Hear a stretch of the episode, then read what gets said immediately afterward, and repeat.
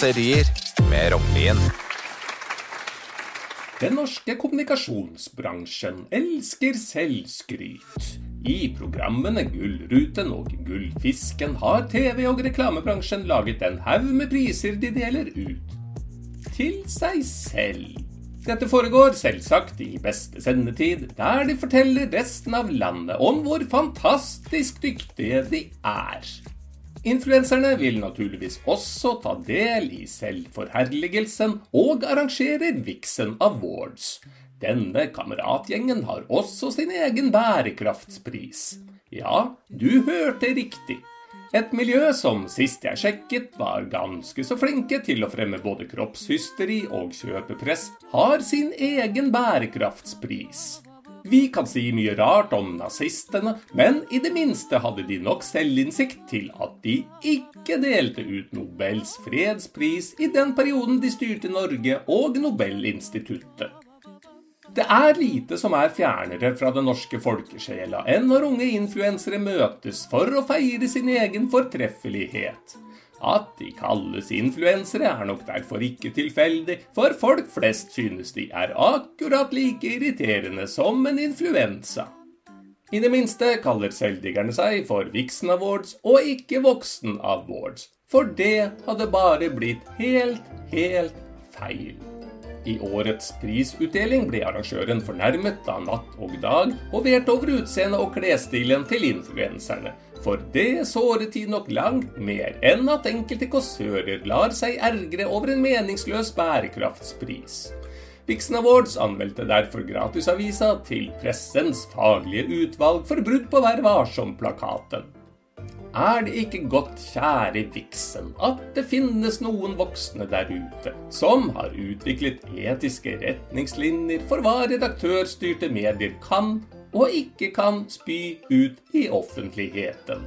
Men, men, kanskje jeg blir i overkant gubbete og heller burde lytte til noen råd fra den ikke helt ukjente influenseren Sofie Elise, som mener livet blir ca. 1 milliard ganger morsommere hvis jeg gir litt faen. Jeg håper imidlertid for hennes del hun ikke noen gang gir mye faen, for da lurer jeg virkelig på hvordan det skal gå. Gi faen måtte til slutt også Rema 1000 gjøre etter det famøse kokainbildet. De hadde tenkt til å lansere sitt eget Sofie Elise-godteri, Candy Girl, men ble presset til retrett. Mange foreldre er allerede engstelige for barnas sukkerinntak, og da kan det jo hende de heller ikke hadde likt tidlig rekruttering til andre hvite godsaker.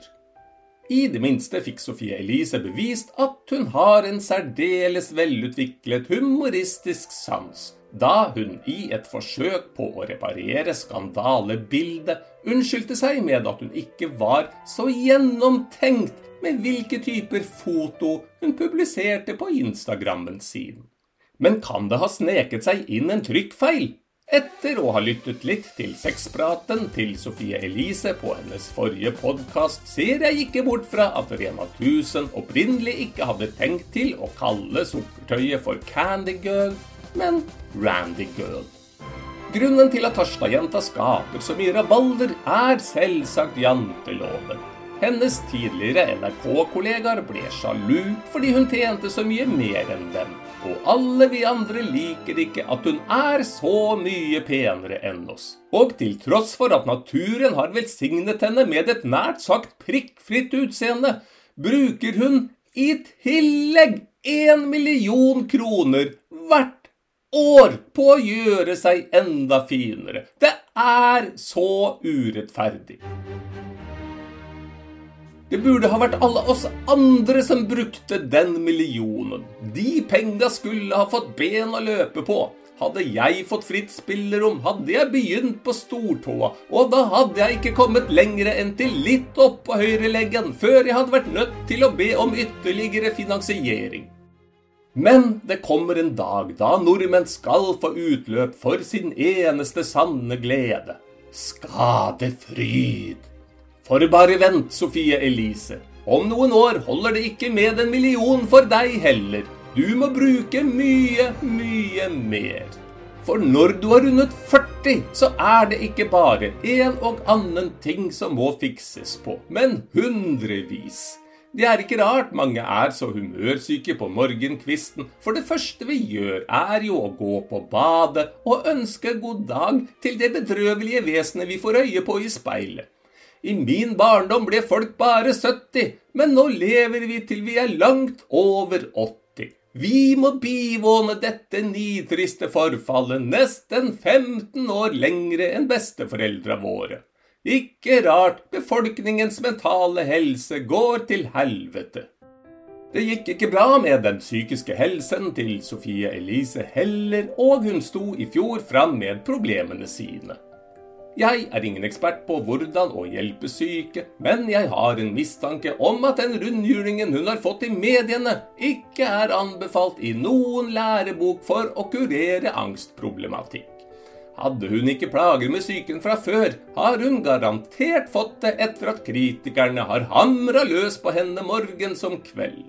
Men fra meg skal Sofie Elise i hvert fall få masse skryt etter at hun har boikottet Vixen mange år på rad, og på sofistikert vis begrunnet det med at det er en runkering. Da kan det jo komme godt med at hun har lært seg noen triks for å gjøre livet mer gøyalt. Så hvis du syntes dette kåseriet var litt kjedelig, kan du strengt tatt bare takke deg selv. Du kunne jo ha lært litt av Sofie Elise, du også.